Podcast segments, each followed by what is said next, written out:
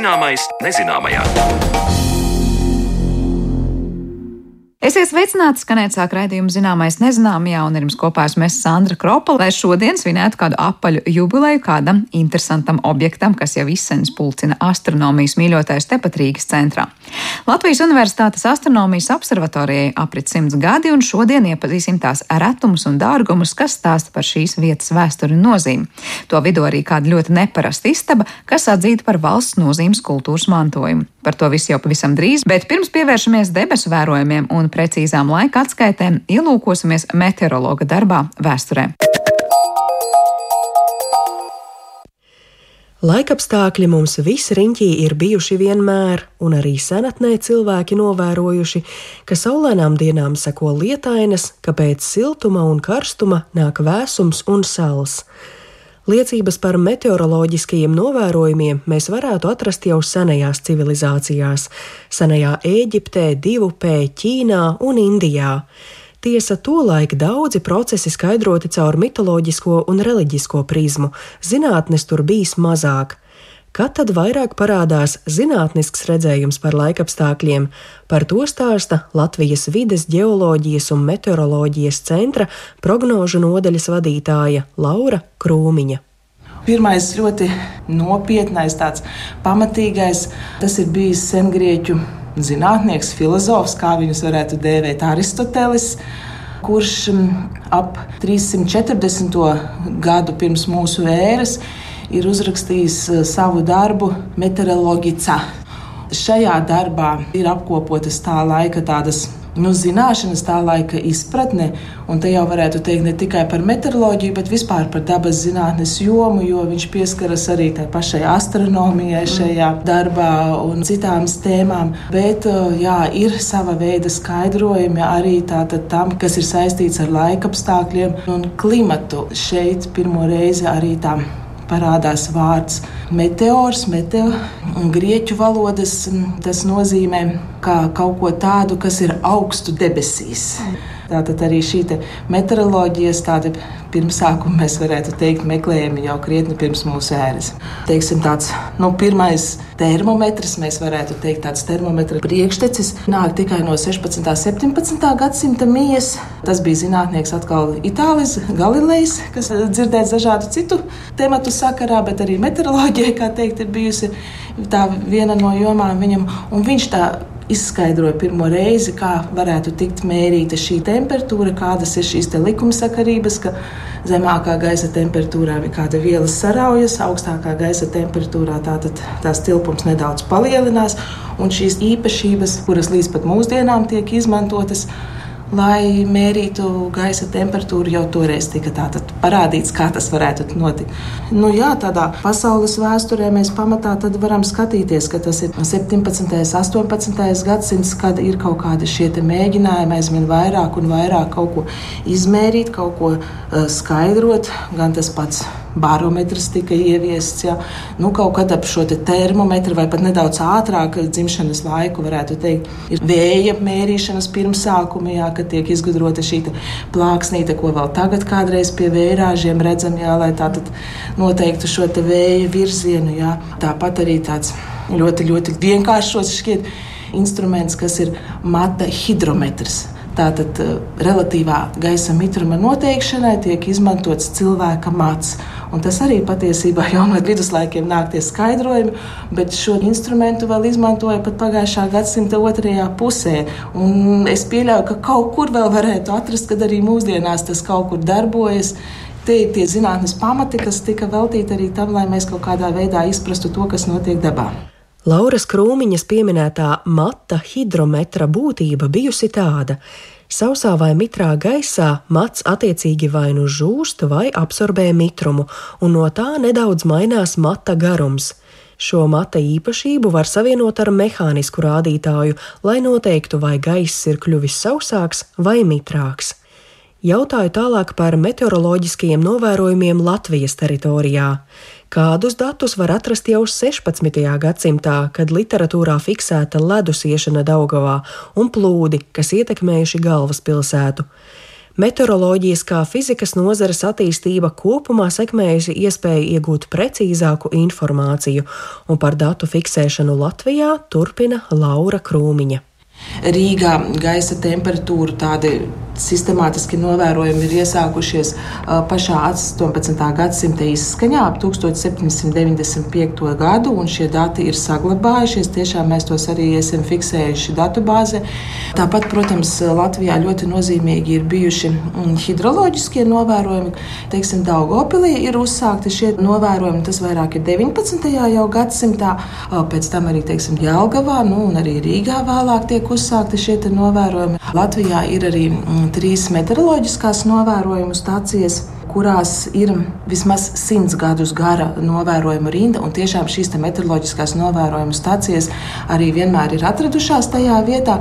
Tas ir mērsraksts, tā ir liepāja un tā ir priekuļu novērojuma stācija vidzemes pusē kuras nav pārvietotas, un Pasaules meteoroloģijas organizācija arī mēģinājusi apzināt pasaulē, cik ir daudz šādu stāciju. Ja, un, nu, arī Latvija var lepoties ar trim šādām stācijām, kur ir ļoti, ļoti garas novērojuma rindas.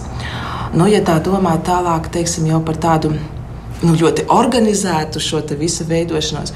Tad um, pēc Latvijas valsts nodibināšanas 1920. gadā tiek nodibināta arī tāda pirmā valstiskā institūcija, kas jau organizē šos visus novērojumus. Latvijā. Un, uh, jāsaka, ka Latvijas brīvvalsts laikā tas meteoroloģisko novērojumu tīkls arī ļoti, ļoti attīstījās. Un uh, kopumā šajā periodā bija ap 170 punktiem, pat, kur tika veikti dažādi Mm, veida novērojumi. Tajos visos nebija tāds pilnīgs un pamatīgs tīkls. Teiksim, dažās vietās tie bija tikai nokrišņu daudzums un sniega segas biezums, laika parādības. Nu, citi punkti bija aprīkoti arī ar kādiem instrumentiem, kur tika mērīta gaisa temperatūra un, un vēl kādi meteoroloģiskie parametri. Nu, tādas bija arī atsevišķas stacijas, kur bija tāds ļoti pilnīgs komplekts, eh, kur tika nu, praktiski visi meteoroloģiskie novērojumi veikti. 20. gadsimts, protams, Latvijas kontekstā ir ārkārtīgi sarežģīts sarežģīts. Mums ir brīvvalsts, tad ir okupācija, tad atkal neatkarība. Kurā brīdī kaut kāds tāds tehnoloģisks izrāviens parādās? Tehnoloģiskie izrāvieni ir gājuši. Nu, arī visā pasaulē kopumā, uh, un arī Latvijā, teiksim, skatoties. Nu, piemēram, Otrais pasaules karš um, attīstīja tādu tehnoloģiju kā radars. Nu, tas bija tieši to iemeslu dēļ, ka bija nepieciešams noteikt, kur atrodas pretinieka lidmašīna. Un drīz pēc otrā pasaules kara pasaulē pamazām tika ieviestas arī meteoroloģiskā radara tehnoloģijas, tātad, lai sekotu līdzi tam, kur un kā pārvietojas nokrišņi. Kā mēs zinām, otrais pasaules karš bija arī tas dzinulis, kas arī attīstīja datortehnoloģiju. Un datori pēc tam arī kļuva par tādu ļoti, ļoti nozīmīgu punktu meteoroloģijas un laikapstākļu prognozēšanas jomā, jo mūsdienās bez datortehnoloģijām, tātad skaitlisko laikapstākļu modelēšanu, mēs vispār nevaram iedomāties. Tāpat jāsaka, ka šī te tehnoloģija attīstība ļoti nozīmīga un, un meteoroloģija ļoti nozīmīga bija arī ap 1960. gadu atmosfērā tika palaists pirmais meteoroloģiskais satelīts. Un, um, nu, tas arī deva tādu milzīgu impulsu tam, uh, kāda mm, bija tātad mm, zinātnieku izpratne par to, kā norisinās atmosfērā procesi, tātad kā mitrums pārvietojas, kā pārvietojas mākoņu zonas un viss pārējais ar to saistītais. 20. gadsimta otrā puse nāca jau arī ar diezgan strauju attīstību tajā jomā, kad um, nevis cilvēks veids šos meteoroloģiskos novērojumus, bet tie visi pamazām tiek digitalizēti. Latvijā šis process iesākās jau 90. gadu izskaņā pagājušā gadsimta, un 2018. gada nogalē mēs jau varējām teikt, ka gandrīz visi, visi novērojumi Latvijā arī tiek veikti automatizēti. Jā, tātad tas ir tāds digitāls sensors, kur šīs materiāla fizikālās īpašības vai tā ir pretestība, vai tas ir mm, kaut kāda elektrovadītspēja, vai vēl kaut kas, tiek pārreikināts kaut kādos noteiktos meteoroloģiskos parametros. Un mūsdienās, principā, nevienā meteoroloģisko novērojumu stācijā Latvijā vairāk nestrādā novērotājs. Ir palikuši daži meteoroloģiskie novērojumi, kuri ir jāveic manuāli. Man tieši interesē, vai ir zināms tas, kur cilvēku iesaiste vēl tomēr ir vajadzīga. jo pilnībā es saprotu, automatizācija nav notikusi. Jā, nu, ir šīs satelītu tehnoloģijas, mēs varam sekot mākoņiem līdzi. Ir arī meteoroloģiskie novērojumi sensori, tā sauktais celiometrs, kas no Zemes var mērīt, kā augšā atmosfērā pa slāņiem sadalās šie mākoņi, tātad, kur ir kāds slānis ar mākoņiem, kur ir atmosfēra brīva no mākoņiem un tam līdzīgi. Bet, piemēram, nu, nav vēl izveidojušās tādas tehnoloģijas un nav vēl šī sistēma izveidojusies tā, lai varētu tā viennozīmīgi definēt, kāda veida ir šie mākoņi. Vai tie ir slāņu, spalvu, gubu mākoņi? Ja? Jā, vai tie ir slāņu, spalvu, gubu mākoņi, jā, tātad un vēl ir šie daudzie dažādie paveidi, kas tam visam ir. To, diemžēl, ar tādu tehnoloģiju nevar. Jā. Protams, jā, satelīts pasaka, ka tas ir zemu izvietots mākonis, augstu izvietots vai visā atmosfērā un tam līdzīgi. To augstumu no zemes virsmas var izmērīt, cik augstu tas mākonis atrodas, bet to formu nevar pateikt. Uh, vispār laika parādību novērojumi ir sensoriem vēl diezgan liels izaicinājums. Jā, tādā klasiskā vasarā, protams, lietus ir lietus. Tad, kad ir saules pamatīgs un, un sniegs, sniegs nu, tad tas ir sniegs. Bet šī pārējais sezona, kurā brīdī, teiksim, vēl līst lietus, un kad jau šie pilieni, kas nāk no mākoņiem, ir jau sasaluši vai vēl nav izkusuši, varbūt sasniedzot zemes virsmu. Jā. Tātad šīs robežas, tāda viennozīmīga definēšana sensoram ir ļoti, ļoti liels izaicinājums. Tāpat kā novērot krusu vasaras sezonā. Piemēram, sensoriem pateikt, kad ir uzkrājies sniegs, kāds ir ūdens saturs sniegā. Jo sniegs var būt biezā slānī, bet tāds ļoti irdens, gaisīgs. Jā, tātad arī tad, kad kusīs, tas neveidos daudz šo ūdeni un upē ieplūdīs salīdzinoši maz. Bet sniegs var būt tāds smags, blīvs ar ļoti lielu ūdens saturu. Un tad, kad šāds sniegs kūst, tad no tā veidojas ļoti daudz ūdens, un no tā ir atkarīgs tas tālāk, cik būs augsts ūdens līmenis mūsu upēs. Un, teiksim, šādu sensoru arī vēl ir salīdzinoši maz, jā, lai mēs varētu kaut ko tādu izmērīt. Vēl ir viens svarīgs parametrs, tā sauktais ūdens caurplūdums. Tātad, cik liels ūdens apjoms caur upi izplūst noteiktā mm, laika vienībā. Un mūsu upju gultnes ir ļoti mainīgas, un šeit uzstādīt tādus atbilstošos sensorus vēl ir ļoti, ļoti grūti. Turklāt jāņem vērā, ka mūsu upes mēdz aizsalt, un tad uh, leduma pavasarī ejot, šos sensorus var diemžēl iznīcināt. Jā, arī tas ir tāds milzīgi liels izaicinājums, kas saistīts ar mūsu darbu, lai izveidotu šādu sistēmu un lai mums būtu ļoti pilnīgi dati. Līdz ar to cilvēkam aizvien ir ļoti, ļoti nozīmīga loma tieši šajā, šajā tehnoloģiju attīstībā, pielāgošanā pielāgošanā, um, iespēju kaut kādā meklēšanā un pēc tam informācijas interpretēšanā. Protams, arī automatizēto iekārtu uzraudzīšana būtu cilvēka pārziņā, un, piemēram, oktobrī tas bijis aktuāli saistībā ar Rīgas meteoroloģisko novērojumu stāciju. Sinoptiķi cēluši trauksmi, ka kaut kas nav īsti kārtībā ar vēja novērojumiem, jo vēja brāzmas šķitušas pārāk intensīvas. Pārbaudot staciju, izrādījies, ka sensors ir mehāniski bojāts un tas jānomaina. Muzejs ar senākajiem meteoroloģiskajiem priekšmetiem līdz šim vēl nav ticis izveidots, bet tā kā dažus mehāniskos instrumentus pēc digitalizācijas ir izdevies saglabāt, tad, kā norāda Laura Krūmiņa, sapnis par muzeju ir, un varbūt tāds arī taps. Dzirdējām Marijas Baltkalnas stāstu par meteoroloģiskiem novērojumiem vēsturē, bet par to, kā skaitīja laiku un fiksēja dažādas astronomiskas parādības Latvijas Universitātes observatorijā, saruna pēc brīža.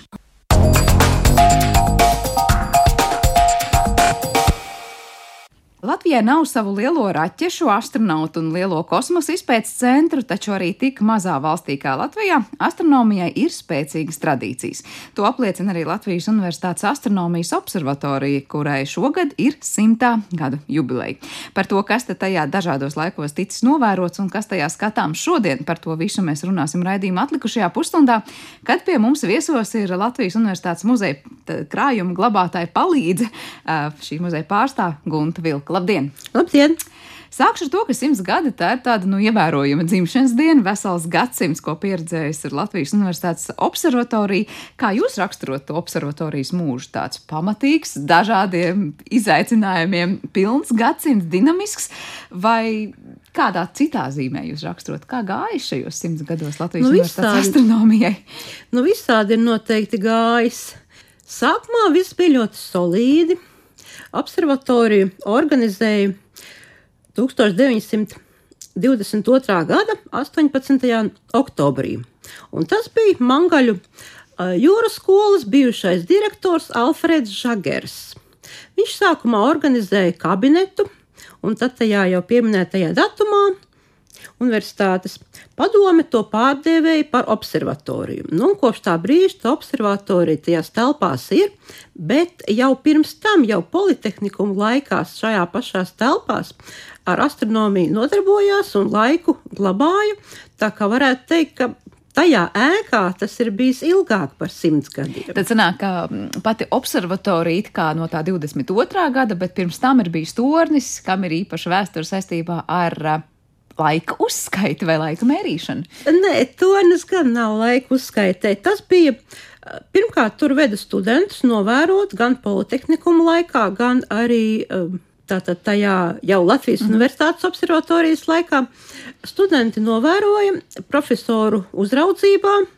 Viņiem turpat lejā tajā pašā observatorijas telpās bija lekcijas, nodarbības, praktiskās un teorētiskās.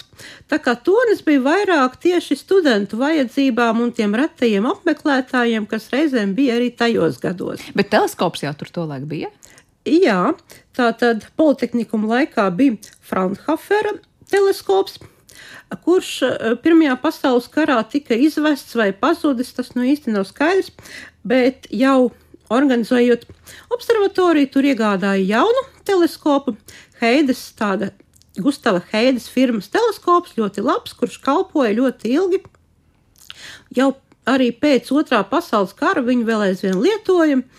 Gan studentu nodarbībām, gan jau vēlāk arī bija kaut kādi pētījumi tādi, bet tie vairāk attiecās uz zinātni, ne uz laiku. Bet sanāk, ka tā observatorijas funkcija sākotnēji bija tāda tā kā mācību nolūkos, tad vairāk, nu, plus mīnus tas vienalga organizēts tikai tiem studentiem, kas jau to laiku, nu, tā kā astronomiju studēja, bija diezgan tādi jau veltījuši sevi šai tematikai. Jā, pirmais bija tieši astronomijas studenti, un Latvijas observatorijā izauga ļoti spēcīga studentu audze, kas pat paši pēc tam turpināja eh, pasniegšanu. Viņi nedavās prom kaut kur citur karjeru meklēt, bet strādāja tieši turpat pēc mācību beigšanas observatorijā. Eh, diemžēl arī visi šie vīri kopā ar Alfrēdu Žageru otrā pasaules karam nākot virsū, visi devās trimdā. Un ļoti daudz ko sasniedz ārzemēs, viņi šeit bija guvuši ļoti izcilu izglītību, kurš tur bija observatorijas direktors Dienvidamerikā vai Ziemeļamerikā. Uz visām pusēm viņi devās un lūk. Nesa Latvijas kaut kādu tādu vārdu, jā. jā. Bet uh, astronomijas tātad jomā diezgan tālu sasnieguši arī pasaules līmenī šie kungi. Kas pēc otrā pasaules kara, pirms mēs sākam runāt par to, kas šobrīd skatāms observatorijā, tādās lielās līnijās notika ar šo torni, ar šo teleskopu, ar vispār to, kas ar astronomiju notika pēc otrā pasaules kara? Turnī darbība pēc otrā pasaules kara apsīka pēc kāda laika, un diezgan ilgi tur vispār nekas nenotika. Un ap, tieši Ilgoni Vilkam sākot strādāt observatorijā, viņa pirmais darbs 86. gadā bija izremontēt toni, lai tur varētu vest apmeklētājus. Tad līdz tam tikai... tur vispār nekas nebija. Visus tos daudzos gadus, jā? Nē, 50. gados tur vēl notika kaut kas. Varbūt arī 60. gados, bet pēc tam tur kaut kā viss pieklusa. Jo bija lielā observatorija Baldonai, un, un tur notika visa zinātne, un šis vairs nebija vajadzīgs. Un tad viņš jau 80. gada beigās kļuva tieši par apmeklētāju, eh, tādu kā objektu, ko skatīties zvaigznēs, novērot interesantiem. Tad patiesībā tāda interesantu astronomijas entuziastu piesaiste šajā konkrētajā Latvijas universitātes ēkā ir tāda no 80. gadu beigām vidus, ja tāda jā, aktīva. Jā, jā. Šobrīd es saprotu, šis teleskops tur joprojām ir, un tie interesanti var nākt un skatīties eh, nu, visu kaut ko interesantu naksnīgajās debesīs, vai tur vairāk ir tāda nu, muzeja aura, un mēs vairāk skatāmies tos priekšmetus, kas ir pašā tornī. Tātad Heidas teleskops tagad ir tiešām muzejā, jaunatklātajā astronomijas vēsturē veltītajā ekspozīcijā.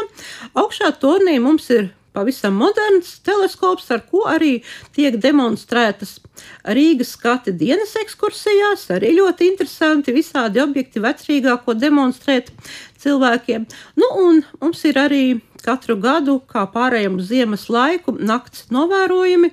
Protams, ir tas skaidrais laiks, kas Latvijā ir ļoti reti. Un šobrīd arī otrdienās un trešdienās no 7 līdz 9 jūs varētu nākt, bet šodien atkal līst. Jā, nu tas, diemžēl, ir ļoti neprognozējami, un tā ir tāda tiešām īstā brīža ķeršana. Jā, līdzīgi kā, nezinu, mums te jūras pētnieki parasti stāsta, kā viņiem ir jāsako līdzi, un nekad nezinu, kas notiks tā arī zvaigžņu skatītāji. Protams, ka nevar tā ļoti strikti noteikt, ko un kurā dienā skatīsies, bet eh, kas ir interesanti, tad šobrīd neraugoties uz to, ka tas ir pilsētas centrs, kurā mēs diezgan nu, daudz gaismas arī naksnīgajā pēdējā laikā redzam, ja skaidrs debesis. Var novērot interesantus objektus arī tālāk par vecrīgu, ja tātad par to, kas ir naktīgais debesīs. Mēnesis vai, vai lielākās zvaigžņu kopas, ko demonstrēja astronomi šajos divos vakaros nedēļā. Tā kā interesantiem ir ko skatīties. Ja mēs runājam par to muzeja daļu un to, kas ir ekspo ekspozīcijā, jūs teicāt, arī šis konkrēti teleskops jau ir devies jau uz tādu ekspozīcijas pusi. Uh, pastāstiet, kur un kas atrodas tādiem astronomijas vēstures mīļotājiem šobrīd un kas ir skatāms?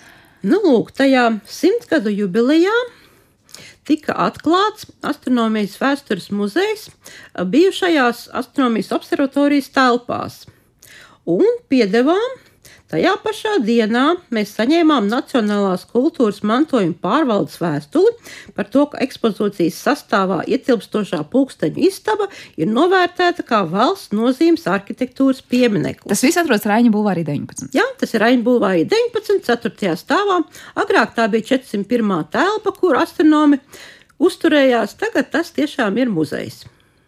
Eh, par pulksteņu istabu arī tūdaļ jums pavaicāšu, ko jūs noteikti minētu kā šīs astronomijas kolekcijas nu, būtiskākos objektus. Nu, tā paša pulksteņa istaba ir pirmais un galvenais objekts. Viss, kas ir saglabāts absolūti autentiski un oriģināli. Tad mums, protams, ir kā lai to saka, priekšmeti, kas palīdzēja astronomiem darbā, lielāki un mazāki teleskopi, mieru instrumenti, meteorītu kolekcija, Un mums ir arī liels zvaigžņu globus, kurš bija jau šajā observatorijā no pašiem pirmajiem viņas darbības gadiem, bet viņš bija stipri bojāts. Un šobrīd viņš ir restaurācijā, un mēs ceram, ka drīz viņš atgriezīsies un būs kā tāds otrs lielais objekts, kam pievērsīs visi apmeklētāju uzmanību. Bet tas ir kā tāds zvaigžņu globus, tādā ziņā, ka mēs tur skatāmies visus zvaigznēs, ko šobrīd, es zinu, modernā aplikācijā mēs pavēršam pret debesīm un ieraugām, kas ir šis globus īpašais. Globus ir 80 cm diametrā. Viņš kustās, tā kā visus zvaigznājus var labi apskatīt. Bet, nu, jā, ja jūs tagad runājat par elektroniskajām iespējām, tad tas ir pavisam kas cits. Bet šis lūk ir vecs. Un... Bet uz tā ir attēlot, var teikt, no šejienes saskatāmies, šajā puslodē saskatāmies zvaigznāji. Ja Jā, tur ir zvaigznāji, tur ir piena ceļš, viss tāda liela lode, kas kustās un, un demonstrē mums visu zvaigžņoto debesi. Ja mēs iedomājamies to globusu nu, kā, kā tas, kas attēlo mūsu kontinentus un okeānus, kā zvaigžņu globus darbojas, proti, tajā brīdī ir jāzina, kurā geogrāfiski vietā mēs atrodamies, un tad mēs skatāmies līdzīgi kā kartē, kur zvaigznāja tur ir vai kā. Nu, cik nu varam vizualizēt šobrīd radio formātā šo zvaigžņu globusu. Nu jā, tas ir dīvaini. Zeme ir apaļa un globus ir apaļš, viss ir skaidrs. Bet debesis mums ir apkārt, un tagad viņš ir uzlikts uz bumbas. Tas, jums, tas jums būs jājautā astronomiem, kā tas ir paveikts. Bet katrā ziņā tas izskatās līdzīgi kā jebkurš globus, kurā ir apaļa sfēra, kas ir nezinu, sarakstītām, sapunktotām konkrētām zvaigznēm. Jā, tieši struktūrām. tā. Tieši tā. Uh, jā, droši vien vēl daudz ko var jautāt pat par to, kādi ir šie priekšmeti. Es nezinu, vai tā ir tiesa, bet man liekas, ka jūs muzejā, es savulaik pati esmu ilguņvilku vadībā skatījusi mēnesi vecas kartes, vai jums ir arī dažādas kartes, kas parāda, nu, kā savulaik ir attēlota tur mēnesi virsma, vai, uh, ja es nejausu, ka tas bija mēnesis. Mums ir liela kolekcija vecu zvaigžņu atlantu. Tur ir ne tikai mēnesis atlanti, kas ir atsevišķs stāsts, mums ir tieši ļoti seni zvaigžņu atlanti. Šobrīd viņi pat ir ieskanēti, un mūsu mājaslapā ir liels tāds uh, saits, kur var skatīties šos attēlus ar zvaigznājiem, kā viņus gan 1600. gan 1700. gados ir attēlojuši mākslinieki.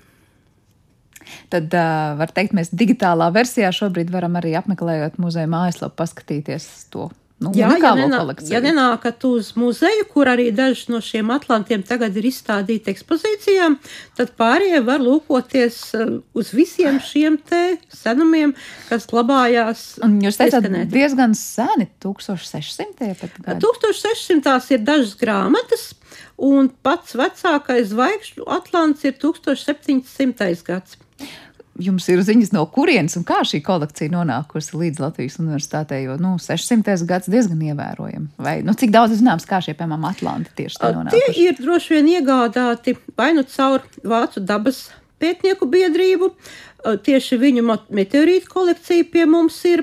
Dažas grāmatas ir pirktas observatorijas vajadzībām.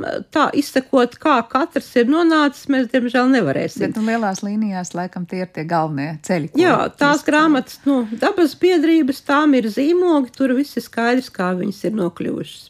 Par tiem meteorītiem runājot, es zinu, ka mums Latvijā arī mazais meteorītu muzejs parasti piedāvā iespēju paskatīties uz diezgan tādu iespaidīgu patiesībā meteorītu kolekciju. Kas ir tas, kas Latvijas universitātē ir skatāms, un vai tur ir kaut kāds jums sadalījums, kas par ko atbild un ko ir eksponējis? Nu, šī ir ļoti veca kolekcija. Kā jau es teicu, tā ir dabas pētnieku biedrības vākums. Visi no tātad senākiem laikiem. Un ļoti labi tā pārstāvēta, gan akmens, gan dzels, gan dzelsakmens eh, meteorīti, visi diezgan prāvi. Meteorītu muzejā, tajā, ko jūs pieminējāt, ir arī, protams, prāvi gabaliņi, bet lielākā kolekcijas daļa sastāv no maziņiem. Tad tur ir daudz skaitlīgi, bet mazi jums ir lieli konkrēti meteorīta gabali. Jā, mums, mums ir daudz mazāk, jā, bet viņi ir lielāki. Kas ir liels meteorīta gabals muzeja vajadzībām? Pieņemsim, jūsu gadījumā cik liela tie apmēram? Mums pats lielākais ir Sihoteolinas dzels meteorīta gabals, kas ir gandrīz 3 kg smags. Tas ir iegūts jau padomju gados, vienīgais šai kolekcijai pievienotais vēlāk. Nu, un tas ir pietiekami liels, vai ne? Jā, tas tiešām izklausās iespaidīgi. Es pieņemu, ka arī turēt rokās un skatīties uz šādiem objektiem ir diezgan iespaidīgi, jo tie jau visi ir nākuši no ļoti tālām kosmosa. Eh, tiešām tālēm jāsaka, un tas nav tā, ka tas ir kaut kas mākslīgi radīts un atveidots. Tas ceļš, kā šie meteorīti ir nonākuši līdz muzejam, es saprotu, tas ir tad, kad interesanti ir vākuši un veidojuši kolekcijas. Tas arī ir pērkot, iegādājoties no viskaut kurienes. Tas nav obligāti, ka ir saistība ar Latviju vai kaut kādu Latvijas teritoriju ar šiem konkrētiem. Piemēriem. Jā, visi viņi ir pirkti, uh, izņemot, protams, Beldons meteorītu, kas ir atrasts un tātad šeit Latvijā arī iegūts. Tur ir arī pētīts. Un, uh, ne, neliels daudzums gabaliņi, divi veseli, mums glabājās kolekcijā. Iepriekšēji, iepriekš kritušie meteorīti, līksnes, biržu un tie visi jau ir 1800. gadu sākums, un viņi ir, diemžēl, Tērbatas Universitātes meteorītu muzejā. Jums ir zināms, kāpēc tie ir Tērbatas Universitātes muzejā? Tāpēc, ka tad nebija Latvijas universitātes, un šie te atradēji viņus pārdeva uz turieni. Viņiem ir, mums nav. Jā, tas ir diezgan ievērojams zaudējums, bet jebkurā gadījumā no tā, kas ir Latvijas universitātes kolekcijā, tas no, es nezinu, cik daudz ir interesi arī kādiem citiem pētniekiem skatīties. Nezinu, viņiem ir iespēja ņemt kādu mazu gabaliņu un analizēt šos meteorītus, vai tas ir tiešām tāds baudījums tikai muzeja apmeklētājiem un tā zinātniskā darbība tur šobrīd ar to nenotiek. Pētnieki bija mūsu pašu universitātes darbinieki, ņēma maziņus paraudziņus, ļoti, ļoti mikroskopiskus, lai pētītu, bet, diemžēl, vēl rezultāti nekādi nav mums stāstīti, un kad būs, nezinām. Studenti reizēm skatās, kuriem ir ģeoloģijas tātad nodarbības, bet lielākā tiesa, protams, ir apmeklētāji. Nu, un tad viņi var paturēt rokā šo lielo psihotelīnas dzelzs meteorītu, un mums ir viens maziņš, maziņš mēnesis meteorīta gabaliņš, kur arī mēs reizēm ļaujam paturēt. Tā kā gabaliņu mēnesi var paturēt rokā Raņa Bulvārī 19. Jā, tā izskatās, ka tāda jā, lieta, ko tiešām nu, astronomijas entuziastiem noteikti nepalaist garām. Jūs pieminējāt šo te pulksteņu istabu. Izstāstiet, kas tā īsti ir par istabu, kādi pulksteņi tur ir un ar ko tie ir nu, ievērojami vai unikāli. Pulksteņi tā tad ir vācu firmas Riefler, un tie ir gan parastie tātad saules laiku drāda vai arī zvaigžņu laiku. Tur ir arī papildus vēl visa radioaparāti un signālu uztveršanai paredzētie chronogrāfi un šāda līdzīga tehnika, kas palīdzēja šo laiku glabāt. Uh, visi šie pulksteņi, tā kā jau es minēju, ir oriģinālie. Tajās pašās vietās, kur viņi stāvēja arī sākot jau no 20. gadiem. Un tad, tad viņos glabājās tiešām tas precīzais laiks, ko sūtīja pa vadiem vai pa signāliem uz dažādām iestādēm, uz radiofonu, pastu, telegrāfu. Vēlāk arī pa telefonu varēja klausīties katru stundu šos signālus. Nu, un jau no 29. gada pagājušā gadsimtā viņi darbināja laimes pulksteni. Tas toreiz bija pats precīzākais pulkstenis Rīgā jo saņēma signālu no Latvijas universitātes visprecīzākajiem pulksteņiem. Jā. Bet tie pulksteņi, tad kā mērīja to precīzo laiku un kāpēc tieši tie pulksteņi bija tie precīzākie? Tā bija tā vieta, kur, es nezinu, speciāli visa mhm. darbība notika tikai un ap laika mērīšanu. Laiku noteica uztverot speciālus radiosignālus un veicot zvaigžņu novērojumus. Pirms simts gadiem zvaigžņu kustība pie debesis bija pats precīzākais pulkstenis. Un tā tad ir pasāžu instruments, Viņi atradās pat te pašā universitātē, bet blakus kanāla malā bija tāds paviljons. Tur viss šie instrumenti pasāžu instrumenti un citi stāvēja. Kas ir pasāžu instrumenti? Līdzīgs teleskopam, bet nu, mazliet tomēr atšķirās. Un ar šo arī noteica precīzo laiku, novērojot laika momentu, kad zvaigznes šķērso debesu meridiānu tieši dienvidos. Tas nozīmē, ka tur bija konkrēts cilvēks, kas par šo konkrēto instrumentu zināja, kurā punktā ir jāskatās, kura zvaigzne, un tad tikko to ieraudzīja, tad signalizēja, ka laiks ir konkrēti tieši tāds un ne sekundes simteļu citādāks. Jā, pēc zvaigznēm viņi noteica precīzo laiku un glabāja šajos pulksteņos. Vēl bija arī pagrabā vairāki pulksteņi, jo pagrabā bija tāda kā drošāka vieta, kur ne zemetrīce, ne, ne eh, klimatiskie apstākļi kaut kā ietekmē.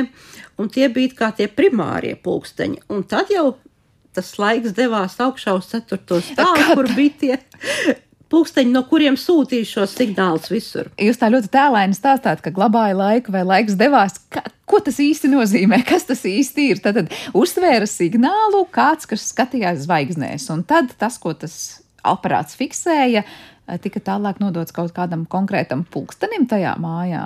Jā, pa radio signāli devās visos virzienos. Tātad tie bija radio signāli, kas tālāk nodeva to eh, līdz pat laimes pulkstenim un, un arī citiem pulksteņiem. Uh, tātad Pulksteņi tādi, kādi tolaik jau bija izkārtoti, šobrīd arī atrodas uh, ekspozīcijā, konkrētajā istabā. To ir daudz, saprotu. Ja? Jā, liela kolekcija. Un tad toreiz tie funkcionēja visi vienlaikus, vai tas ir dažādos laikos. Vienkārši katrs darbojās, un tad tikai nāca klāt, un vecais palika. Bija zvaigžņu laiks un parastais laiks, jo zvaigžņu laiks un parastais laiks atšķirās. Bet To jums būs jājautā astronomam. Jā, to tad, tad es atstāšu astronomu ziņā, astronomu ziņā kādu reizi stāstīt par to, ar ko šis laiks atšķirās. Bet pulksteņu istaba tiešām nu, jau diezgan ievērojami skan, lai saprastu, ka tas, kā mērīja laiku savulaik, ir tiešām bijis diezgan, diezgan laikietilpīgi un ļoti, ļoti nopietni. Es vēl gribēju pavaicāt par lietām, kurām, man liekas, grūti iedomāties, jebkuru ar astronomiju saistītu muzeju, īpaši šajos platumgrādos, un tas ir Friedriha Candera dažādas lietas vai šajā kolekcijā kolekcijā arī ir īpaša kaut kāda atvēlēta istaba vieta eh, tam, kas ir iegūts no, nezinu, vai Sandra privātām lietām vai viņa kaut kādām darba lietām, kas tiek tālāk izstādītas uh, apmeklētājiem? Privāto lietu ir ļoti maz. saglabājušies ir tikai daži priekšmeti, ko mums dāvināja viņa māsa un viņa meita, bet mēs cenšamies saglabāt viņa piemiņu.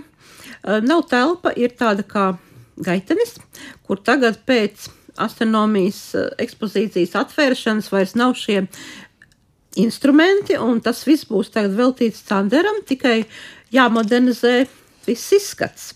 Jo tas pamatā tur viss ir kā 87. gadā izveidoja Sandera mājā. Tajā ekspozīcijā tā arī tika pārvests un modernizēts līdz šim brīdim nav.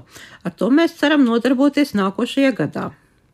Bet sanāk, šobrīd Latvijā vispār tie, kas grib skatīt kādu Friedricha Sandera personīgās lietas, tā, tā vieta, kur doties, ir arī šis te Raņa 19, tātad muzejs, kas ir jūsu rīcībā esošais. Vismaz pirms kāda laika arī Vēnspilī bija kaut kādas atsevišķas Sandera istabas vai lietas. Var teikt, ka Latvijā tā kā dažādās vietās ir izkaisītas viņa piemiņas. Tas, diemžēl, ir tad, kad tika pārdota Sandera māja, kas mums bija toreiz kā muzejs, eh, tad eh, šī ekspozīcija tika sadalīta. Candera eh, istaba tika aizvest uz Ventspili, jo muzeja iepriekšējais direktors Juris Žagars tagad strādāja Ventspilī, un šo istabu viņš aizveda tur un izstādīja. Tur bija vieta. Mazākā daļa tieši tā informatīvā stendi un, un nedaudz to priekšmetu, tie aizbraucu uz Raņa bulvāri, un tur tātad tika iekārtota tāda kā arī viņam veltīta izstāde, jo Candres jau mācījās Rīgas Politehnikumā. Tātad tas ir viņa alma mater, un tur viņam tāda kā goda vieta ir jāatstāj. Un tā šobrīd arī ir tātad atstāt, un es saprotu, īpaši vēl tiks izveidot, uzturēt un kā citādi piemērota. Bet tad sanāk tā, ka skatoties uz to kolekciju tādās lielās tematiskajās grupās, ir viena lieta, kas saistās ar tādām tehniskām ierīcēm, nu, piemēram, šie paši pulksteņi, kas paši par sevi jau ļoti interesanti, vēl gadsimta vērtība. Tad tas, kas ir, kā saka, no kosmosa nācis un tādi fiziski aptaustāmas lietas, kā meteorīti.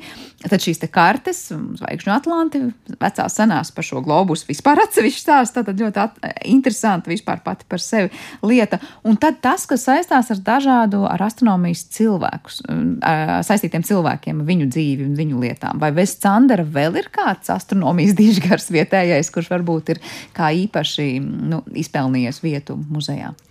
Canders nav astronoms. Canders bija nu, ar astronomijas saistīts, jā, cilvēks, nu, precīzāk jāsaka. Jā, varētu teikt, ka viņš arī jaunībā students vēl būdams novēroja gan pilnu saules atumsumu, gan fotografēja mēnesi, bet astronoms viņš nebija. Tas bija tikai tāds mazs hobijs. Bet mums ir tie astronomijas ievērojamās personības, kas tajā pašā 401. telpā savulaik strādāja, gan eh, profesors Kārlis Steins, gan Jānis Ikaunieks, kas dibināja Baldonas observatoriju, un um, Latvijas astronomijas biedrības dibinātājs un, un ilgu gadu um, vadītājs Matīs Dīriķis. Visas šīs personas atstāja savus arhīvus lielākā vai mazākā apjomā, un tās ir galvenokārt, protams, fotografijas, dokumenti, kas tiek šobrīd šķiroti. Viņi nav it kā izstādīti, bet viņi glabājās mūsu fondos, un mēs regulāri rakstām kādus rakstus, kas tiek publicēti mūsu mājaslapā, neizmirstamās biogrāfijas gan par Steinu, gan par citām personām. Tā kā kam ir interese palasīt, var doties un Tad, palasīt. Patiesībā tā viņu atstātā atstātās liecības, grāmatas, raksti, fotografijas tiek liktas lietā arī rakstot par viņiem, par viņu laiku, par tiem novērojumiem un vispār to ieguldījumu, ko viņi sniedz astronomijā. Nu jā, jo muzejs jau strādā katru dienu, bet apmeklētāji nav katru dienu. Mēs neesam um, lielais mākslas muzejs. Brīvajā laikā mēs rakstam rakstus, kārtojam krājumu un Var teikt, šīs lietas turpina dzīvot to laikmetīgo jā, arī dzīvi. Jā. Uh, pie tiem priekšmetiem vēl runājot, es saprotu, jums ir arī tāds planetārija aparāts. Kas tas ir un kā tas izskatās un kā ir funkcionējis dažādos laikos? Tas planetārija aparāts nav tieši saistīts ar astronomiem. To izmantoja Latvijas Universitātes biologi. Tā tad tika veikts tāds eksperiments, uh, liels paviljons uh, planetārija aparāts darbojās, demonstrēja uz kupola zvaigznes, un šajā paviljonā ielaiž putnus, vai viņi orientēsies pēc šīm mākslīgajām zvaigznēm. Diemžēl mums nav zināmi rezultāti, vai kādi bija vai nebija, kā, kā viss beidzās, bet eh, planetāri aparāts ir vesels, un viņš tagad arī ir viens no muzeja eksponātiem. Tad sanāk, mēs nemaz neuzzinām šo interesanto eksperimentu rezultātu, vai putni varēja vai nevarēja orientēties, bet ja šobrīd to planetāriju aparātu darbinātu, tas varētu mums radīt to sajūtu, ka mēs esam noticējuši zem kādām zvaigznēm, mēs te sēžam un ko redzam, vai Tas Nē, savu šis, laiku ir nokalpojis. Nē, šis vairs nestrādā. Viņam nav visi vadi, un viņš būs stipri jāregulē, lai mehāniskais planetārijas atkal varētu strādāt. Bet muzejs piedāvā miniplanetāriju, kur mēs ar visiem modernajiem līdzekļiem uz liela ekrāna demonstrējam zvaigžņoto debesi. Īpaši tas ir skolniekiem interesanti. Saules sistēma, ko viņiem skolā tomēr jāmācās, un šeit vizuāli viņi šo materiālu var uztvert daudz Ticamāk arī, ne, nu, tā kā, tā kā noticēt tam, tam kādām debesīm atrodas. Un noslēdzot mūsu sarunu, es vēl gribēju pavaicāt, nu kā ir uzturēt visus šos priekšmetus kārtībā, lai tie neiet zudumā, lai tie tos neskarto laika zops. Es iedomājos šos vecos arī Atlantus un kartas, un tāpat, saprot, arī globus bija piedzīvojis diezgan interesantu restaurācijas posmu. Proti, kā saglabāt to, kas ir maksimāli ilgi, maksimāli ticami un nemainot, tajā pašā laikā, nu, jā, neļaujot tam vienkārši ar laiku iet zudumā. Nu, vispirms jau man jāsaka liels paldies universitātes saimniecības daļai, kas veica šajā 401. telpā brīnišķīgu remontu. Restaurēti gan logi, gan grīdas, viss ir autentiski saglabāts, ne tikai instrumenti. Un tad mums bija meistars, kas remontēja gan mēbeles, gan tīrīja visus šos instrumentus, lai tie ir brīnišķīgā kārtībā. Tagad gluži kā jauni. Bet atbilstoši savam laikam, jā. Bet, jā, bet visi oriģinālie vecie grāmatas gan vēl nav nekādu restaurāciju izgājušas. Lobus šobrīd tiek restaurēts Mālpilī pie mākslinieces Sarmītas balodas, un ar viņu diezgan daudz problēmu. Jo šajā astronomu telpā, kad viņi tur sēdēja, nu, viņiem taču darbinieki, viņiem gribās siltumu. Un tāds radiātora siltums bija izkautējis šo lielo koka bumbu, kas pārklāta ar cietu krāsas slāni, uz kuras tātad uzzīmēti visi šie zvaigznāji. Bumba saraujās, krāsas saplaisā, un tagad viņi jāuzlīmē atpakaļ bet bumba vēl aizvien ir sarausies mazāka. Kā dabūt to lielāko krāsu virsū uz mazākas bumbas, nezaudējot materiālu? Jo restauratārs nevar, kā es teikšu, nogrieziet lieko. Mm. Restauratori tā nedara. Tāpēc ar uh, restaurācijas procesu lielas problēmas, bet mēs ceram, ka beig beigās ir atrasta kārtējā jaunā metode, kā to varētu visu paveikt. Un jāsaka arī liels paldies tiem cilvēkiem, kas ziedoja naudu Latvijas Universitātes fondā uh, tieši globus restaurācijai. Bet šobrīd tas uh, globus jau ir restaurēts vai vēl tikai ir ceļā uz muzeju atpakaļ? Nē, viņš vēl nav. Viņš vēl aizvien ir Malpilī, un viņam vēl aizvien ir restaurācijas procesā. Tā kā nu, droši vien brīdī, kad tas atgriezīsies Latvijas Universitātes eh, galvenās ēkas telpās, tas būs liels notikums eh, pašiem muzeja darbiniekiem un visiem muzeja apmeklētājiem doties un aplūkot to klātienē.